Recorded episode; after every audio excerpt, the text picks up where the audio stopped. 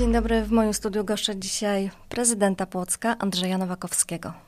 Dzień dobry, witam panią redaktor. Bardzo serdecznie witam państwa. E, panie prezydencie, w ostatnich dniach bardzo dużo dzieje się w polskiej polityce. E, niestety ze smutkiem chyba można to stwierdzić, że największe emocje wzbudził czyn e, posła Konfederacji Grzegorza Brauna. Dla tych, którzy nie wiedzą, zgasił gaśnicą świecę, zaatakował przy tej okazji kobietę, która próbowała mu mm, w tym przeszkodzić. Co pan sądzi o takim zachowaniu posłów? Pani redaktor, no, generalnie to więcej emocji we mnie wzbudza e, rzeczywiście powołanie nowego rządu. E, I fakt, że Donald Tusk został premierem to wszystko, co wokół tego, rzeczywiście mm, e, to są i prawdziwe emocje, i taka e, no, pozytywna przede wszystkim e, przekonanie, że w Polsce znowu będzie normalnie.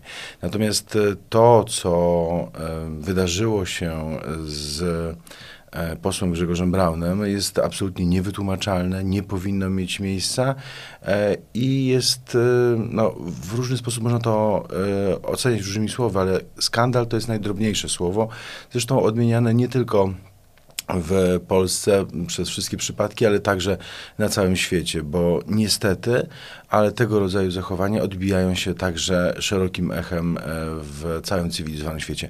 To po prostu nie powinno mieć miejsca. No, zwłaszcza, że jest to przedstawiciel partii, która jednak zyskała no, dosyć spore poparcie wyborców, bo chyba tam mm, około półtora miliona wyborców, o ile dobrze pamiętam. Dokładnie tak, natomiast no, ja nie chciałbym um, przekładać um, tego niezrozumiałego, dziwnego i skandalicznego zachowania jednego posła na całe ugrupowanie. To też nie jest tak, że, że w tej chwili no, ktoś nie ma odpowiedzialności zbiorowej. Zresztą to ugrupowanie potępiło również czyn posła e, Grzegorza Brauna.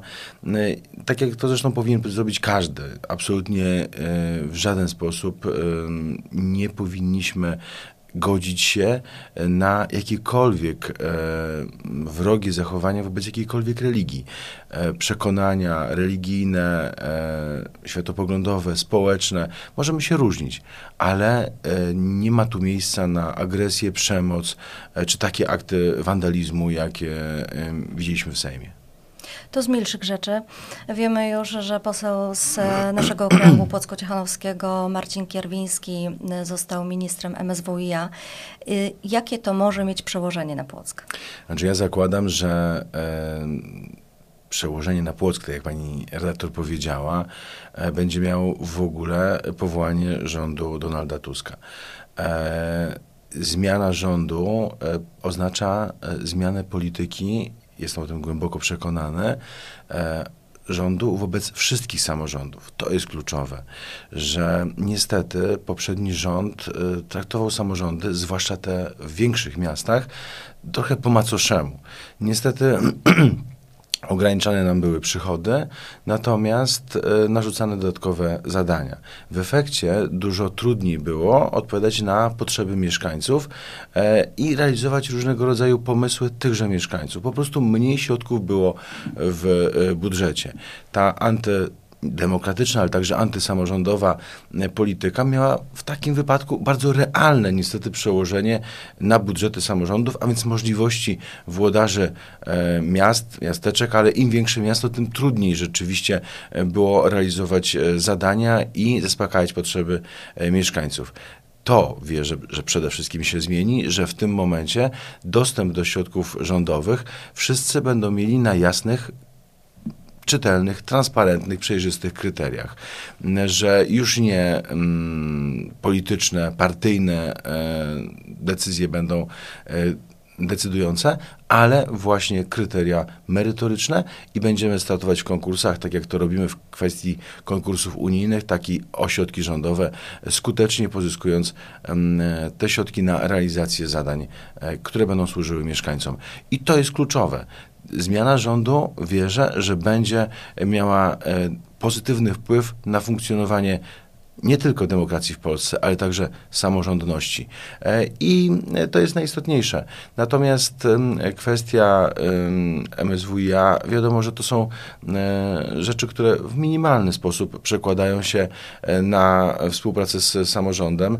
My mamy cały czas, bez względu na to, kto był w rządzie, bardzo dobre relacje z służbami, bo takie powinny być, e, jeśli chodzi o samorząd, a służby mundurowe, bo przecież e, to chodzi o bezpieczeństwo mieszkańców. I tu bez względu na to, czy mówimy o e, policji, straży pożarnej czy innych służbach, to w tym momencie akurat ta współpraca jest zawsze bardzo potrzebna, ponieważ E, gra idzie o jedną z najważniejszych rzeczy dla każdego człowieka, czyli bezpieczeństwo. Wierzę, że tutaj sytuacja będzie e, podobna. Mm, co prawda, nie wiem, czy pani redaktor wie, ale e, komendant Straży Pożarnej w Płocku złożył dymisję powiatowy, natomiast mi współpracowało się z tym komendantem bardzo dobrze, bardzo odpowiedzialnie i no, Trudno mi powiedzieć, dlaczego ją w tym momencie złożył, ale uważam, że to był bardzo mm, dobry komendant, e, który, e, jeśli chodzi o Straż Pożarną, e, dbał i o służby, ale przede wszystkim o bezpieczeństwo mieszkańców, współpracując przy tym nie tylko z płockim samorządem, ale także z innymi samorządami. Mhm. Rok powoli się kończy, więc trudno nie zapytać, która ze zrealizowanych tym roku inwestycji na terenie e, Płocka była według Pana najważniejszą? I tych inwestycji było rzeczywiście także w tym roku bardzo e, wiele, bo na inwestycje przeznaczyliśmy ponad 200 milionów złotych i to dobrze ponad 200 milionów złotych. Natomiast m, mm, oczywiście taką inwestycją e, sztandarową, która zakończyła się w tym roku, była budowa stadionu. E, stadion został oddany, służy mieszkańcom Płocka, służy kibicom, służy piłkarzom, którzy no, zmagają się na poziomie dzisiaj pierwszoligowym, ale wierzę, że ten ekstraklasowy poziom to jest miejsce Wisły Płocki, tam wrócimy w perspektywie, mam nadzieję, już najbliższego sezonu. Natomiast mm, e, nie jedyna to była inwestycja, choć największa i trwająca 3 lata jej finał nastąpił właśnie w tym roku. Ale ważną inwestycją była budowa ulicy Łukasiewicza. Koszt tej inwestycji to ponad 77 milionów złotych. E, największa inwestycja drogowa, e, która e, no, była potężną modernizacją e, zarówno tego fragmentu w centrum miasta, jak i e, od Ronda Nawciarzy Pozglenickiego. E, I to także istotna inwestycja. Ale nie brakło mniejszych, takich osiedlowych, zarówno dróg, jak i placów zabaw, kolejnych mieszkań na start, więc tych inwestycji było bardzo, bardzo e, wiele. Mnie cieszą nawet takie drobne jak boiska, chociażby przy ekonomiku, który w stulecie swojego istnienia doczekał się e, w końcu fantastycznych boisk dla młodzieży. A jak będzie w przyszłym roku? Bo znany jest już projekt budżetu na 2024 rok. Czy są w nim równie imponujące inwestycje? Jest równie dużo inwestycji, żeby nie powiedzieć nawet, e, można powiedzieć więcej, e, bo znowu na realizację tych inwestycji przeznaczamy ponad 200 milionów złotych. Ale pani redaktor, szanowni państwo, najważniejszą bez wątpienia i największą inwestycją, na którą znowu przeznaczyliśmy najwięcej środków, e, jest oczywiście wychowanie i edukacja dzieci i młodzieży. Na kształcenie dzieci i młodzieży w budżecie miasta jest ponad e, pół miliarda złotych. To są środki, które w części pochodzą z subwencji oświatowej przekazywanej przez państwo, ale w dużej części także z pieniędzy wszystkich mieszkańców Płocka, a więc pieniędzy e, budżetu e, miasta. To są pieniądze na utrzymanie, ale także modernizację e, ponad 60 placówek edukacyjnych, przedszkoli, szkół podstawowych, szkół średnich, także poradnie dwie psychologiczne, pedagogiczne, Młodzieżowy Dom Kultury. E, to są wszystko placówki edukacyjne, które kształcą dzieci i młodzież duża pozycja w budżecie, to oczywiście pomoc społeczna, a więc wsparcie tych, którzy sobie nie radzą. To są kwestie zasiłków różnego rodzaju, e, wsparcia, jeśli chodzi o kwestie mieszkaniowe, e, wsparcie w kryzysie bezdomności. To jest także cały system pieczy zastępczej, e, który zajmuje się opieką nad dziećmi, które wyrokiem sądu zostały umieszczone właśnie w systemie pieczy zastępczej, a więc w rodzinach zastępczych, rodzinnych domach dziecka albo placówkach po prostu opiekuńczo-wychowawczych. Tutaj to są to jest potężna kwota, także 150 milionów złotych. Później inne potrzeby, czyli kwestia chociażby zaspokojenia potrzeb kulturalnych, sportowych. Na to także mamy środki w budżecie. 7 milionów złotych pochłonie utrzymanie dodatkowe środki, oczywiście poza biletami naszego ogrodu zoologicznego, e, mamy także środki na utrzymanie komunikacji miejskiej, e, więc tych e, potrzeb, które zaspokajamy poprzez budżet miasta Płocka jest bardzo, bardzo wiele. Pani redaktor pyta o inwestycje. E, to zrozumiałe, e, bo to budzi zawsze wiele emocji. E, tych, na te inwestycje przeznaczymy znowu ponad 200 milionów złotych. To będą bardzo różne inwestycje. Mamy cały szereg dróg, począwszy od ulicy chociażby Browarnej, będziemy kończyć ulicę Chopina, Podgórna, Liściasta tych dróg w budżecie jest cały szereg. Będzie także sporo inwestycji infrastrukturalnych. Zakończymy budowę budynku e, Urzędu Stanu Cywilnego, e, do którego przeniesiemy się e, na czas remontu tego głównego budynku, a który później docelowo będzie archiwum. Ten budynek także zakończymy w przyszłym roku. Zakończymy także dwa ostatnie budynki na osiedlu Miodowa Jar. To są budynki, które zakończą już całość tego osiedla, gdzie będzie 30 e, kolejnych mieszkań e, komunalnych dla mieszkańców Płocka.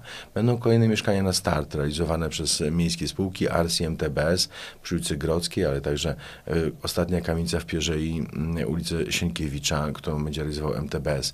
Więc tych inwestycji będzie bardzo, bardzo wiele. Natomiast w kontekście inwestycji dużych, to chciałbym powiedzieć, że jedną z takich najważniejszych inwestycji, którą jestem przekonany, będziemy realizować w przyszłym roku, będzie druga nitka ulicy e, Wyszogrodzkiej. To jest inwestycja, która w tegorocznym budżecie, znaczy budżecie, projekcie budżetu na 2024 rok zapisana jest kwotą tylko miliona złotych, e, bowiem e, jest to ostatnia rata za projekt. Będziemy mieli mniej więcej w pierwszej połowie przyszłego roku już projekt tej drugiej nitki ulicy Wyszogrodzkiej do ronda, który powstanie na skrzyżowaniu ulicy Wyszogrodzkiej i Harcerskiej e, i będziemy w stanie w drugiej połowie rozpocząć już realizację tej inwestycji. Rozpoczniemy ją, a środki na e, już wykonanie tej inwestycji znajdujemy w wieloletniej prognozie finansowej na lata 2025-2026. E, czy ta inwestycja e, będzie toczyła się równocześnie z inwestycją Generalnej Dyrekcji Dróg Krajowych e, i Autostrad, czy tam troszeczkę później ten Bardzo bym tak chciał, natomiast z tego co wiem, harmonogram Generalnej Dyrekcji przewiduje, że no, oni mają nieco dłuższe czas projektowania. Sądzę, że będzie to jedna z moich pierwszych rozmów z nowym ministrem infrastruktury, e, tak by rzeczywiście tutaj e, po pierwsze podtrzymać te deklaracje e, i działania Ministerstwa Infrastruktury w tym zakresie i jak najszybciej przystąpić do realizacji tej inwestycji także po stronie Generalnej Dyrekcji Dróg Krajowych i Autostrad. Pamiętajmy bowiem, że my mamy na ten cel zapisane e, no, około 100 milionów złotych, natomiast e, tam także dużą część musi zapłacić Generalna Dyrekcja Dróg Krajowych i Autostrad, bo my płacimy tylko za to, co jest po stronie miasta Płocka. Mhm. Tak się składa, że moim gościem dzisiaj będzie dyrektor Płockiej Orkiestry Symfonicznej, więc przy tej okazji zapytam o Płocką Filharmonię. Na jakim etapie jest ten projekt? Kończymy w tym momencie e, projektowanie. E, powinniśmy, no, ostateczną wersję mieć e, w grudniu. Czekamy w tym momencie dosłownie na dniach na e, odebranie tego e, projektu przez wszystkie służby. Natomiast mm, w przyszłym roku moglibyśmy rozpocząć realizację inwestycji. Natomiast jej rozpoczęcie uzależnione jest od pozyskania środków zewnętrznych. To znowu na pewno będzie jedna z pierwszych, jeden z pierwszych tematów rozmów z nowym ministrem kultury E, którym został e, Bartłomiej Sienkiewicz. E, mamy tutaj bardzo dobre wspomnienia ze współpracy z ministrem Sienkiewiczem sprzed ośmiu lat. Nie wiem, czy nasi mieszkańcy pamiętają, ale wówczas Bartłomiej Sienkiewicz był ministrem spraw wewnętrznych i administracji MSWiA, szefem MSWiA. Tak jak dzisiaj tym szefem MSWiA jest mm, Poseł Marcin Marcin Kierwiński. Dokładnie. Natomiast mm, wówczas, kiedy ministrem e, MSWiA e, był mm, Bartłomiej Sienkiewicz, e, to wspólnie razem zrealizowaliśmy budowę jednej z najważniejszych inwestycji dla służb mundurowych, czyli budowę komendy policji, która dzisiaj mieści się na ulicy Kilińskiego, przy ulicy Kilińskiego, a przeniosła się z dosyć no, fatalnych warunków, które panowały przy ulicy 1 Maja czy e, Słowackiego. E, dzisiaj policjanci e, cieszą się z nowoczesnego e, obiektu. E, Jestem przekonany, że ta dobra współpraca może także przełożyć się e, na współpracę przy realizacji tej inwestycji, jaką jest budowa sali koncertowej. Ale, tak jak powiedziałem, to będzie jedna z moich także pierwszych rozmów z ministrami obecnego rządu. Zbliżają się święta Bożego Narodzenia, więc e, przy tej okazji chciałabym zapytać o wspomnienia e, związane z tradycjami e, tych świąt i które z tych tradycji przeniósł Pan do swojego dorosłego już życia. Nie będę tu specjalnie oryginalny, ale najważniejsze było zawsze, będąc dzieckiem, oczekiwanie na pierwszą gwiazdkę i na Mikołaja, który niezawodnie przybywał z prezentami.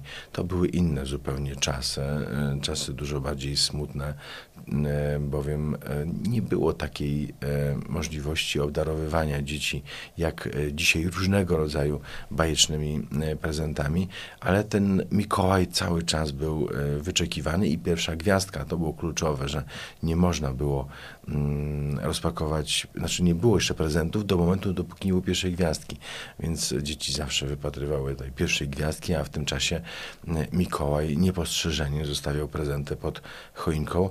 I tak e, działo się przez e, wiele, wiele e, lat i bardzo długo dzieci wierzyły w świętego Mikołaja, który niezawodnie m, e, przychodził. I oczywiście no, tradycyjnie 12 potraw na stole, gdzieś e, ta e, chęć żeby tych potraw było 12 i oczywiście e, puste miejsce przy stole. E, ta tradycja cały czas jest żywa, obecna. Ono jest zostawione z jednej strony dla tego niespodziewanego gościa, ale z drugiej strony e, także stanowi wspomnienie tych, którzy odeszli od nas już i no niestety, ale przy wigilijnym stole po prostu nie zasiądą. Ale czeka Pan jeszcze na świętego Mikołaja? E, częściej jestem świętym Mikołajem niż czekam na świętego Mikołaja. Ale to też radość. E, tak, zdecydowanie nawet bym powiedział większa dla mnie e, możliwość obdarowania e, prezentami i wywołania uśmiechu e, na e, twarzach, zwłaszcza dzieciaków, e, jest niesamowita. Dlatego e, kontynuuję tradycję mojego poprzednika konsekwentnie, choć grudzień pod tym względem jest bardzo trudny, ale wizyta w przedszkolach jest czymś niesamowitym e, co roku e, i niezawodnie po prostu z moim zastępcą Romkiem Siemiątkowskim e, zmierzamy e, co grudzień do każdego przedszkola i żłobka e, w Płocku, by wywołać uśmiech na twarz dzieciaków. To fajna także taka nasza płocka tradycja, która sądzę, że powinna być kontynuowana. Ja też tak uważam. Bardzo dziękuję za podzielenie się z nami tymi wspomnieniami i przemyśleniami. Moim gościem był prezydent Płocka Andrzej Nowakowski. Dziękuję bardzo za zaproszenie na dzisiejszą rozmowę. E, Cieszę się, że mogłem być z Państwem. E, Szanowni Państwo, pozwólcie, że za pośrednictwem e, Petro News również złożę Państwu najserdeczniejsze życzenia świąteczne, spokojnych, radosnych świąt Bożego Narodzenia. Niech ten czas będzie czasem dobrych spotkań, dobrych rozmów, czasem rodzinnym. Niech nie zabraknie uśmiechu, radości. Niech to będą błogosławione święta rzeczywiście Bożego Narodzenia. Wesołych świąt.